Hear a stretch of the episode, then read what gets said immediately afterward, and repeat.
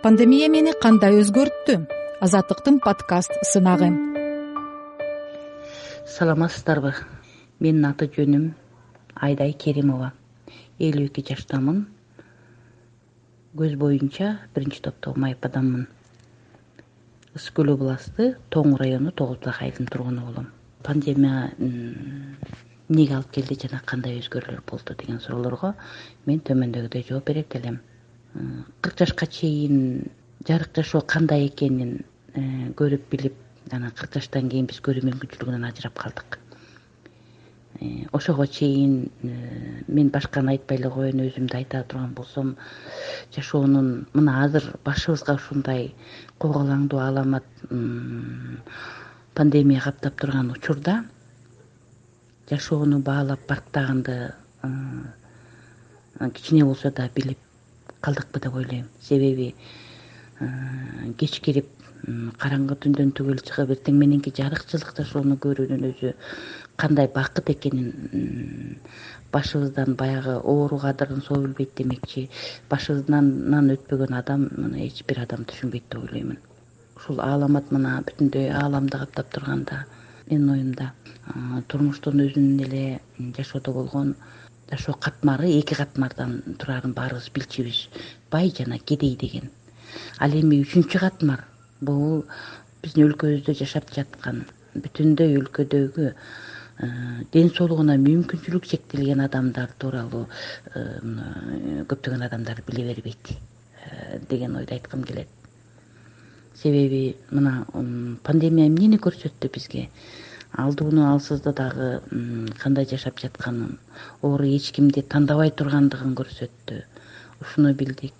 Оору келгенге чейин адамдар бири биздин баркыбызды үй бүлөлүк карым катнаш э, ата эне менен баланын ортосунда болгон мамилени эне менен кыздын бир тууган менен бир туугандын ортосунда болгон мамилени дагы чыңдоого үйрөттү жакындоого ошол э, турмуштук ушундай башыбызга иш түшүп турганда жашоону баалап барктаганды үйрөндүк десем болот.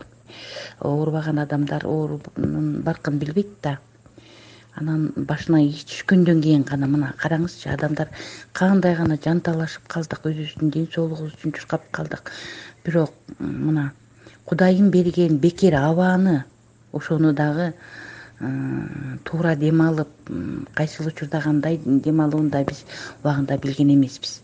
Азыр мына ушундай кыйналыш кыйчалыш учурда биз мына кычкылтекти сатып алууга дагы жетишип калдык бул эмнеге деген эмнеге дегенге алып барат караңыздарчы.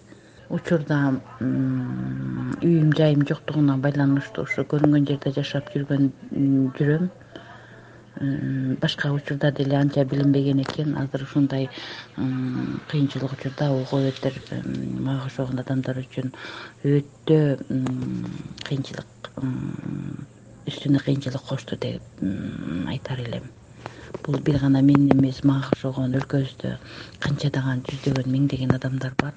Тыгылган сыяктуу бир мындай сазга баткан сыяктуу бир нерсеге алып келип такап койду.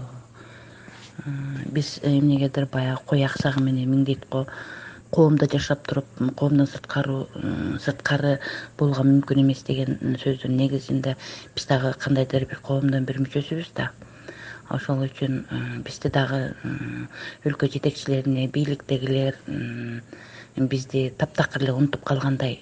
Мына жөнөкөй эле айыл башчыдан баштап президенттик аппаратка чейин болгон кайрылуулары мененки эч кандай жыйынтыксыз чыгып келүүдө бизди мамлекетибиз коргойбу же кордойбу деген сөздү айтууга туура келип турат бул жерден.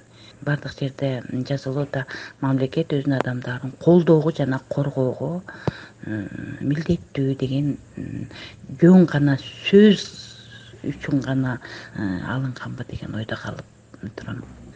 Бул күндөр да өтөт мен бүтүндөй кыргызстанда жашап жаткан замандаштарыма эли журтума баарына бекем ден соолук каалайм эч ким оорубасын демекчимин бул күндөрдөн дагы өтүп кетээрибизге жакшы күндөр болоорун дагы айткым келет. Баарыңыздар бар болуңуздар аман болуңуздар бар болуңуздар. Пандемия мени кандай өзгөрттү? Азаттыктын подкаст сынагы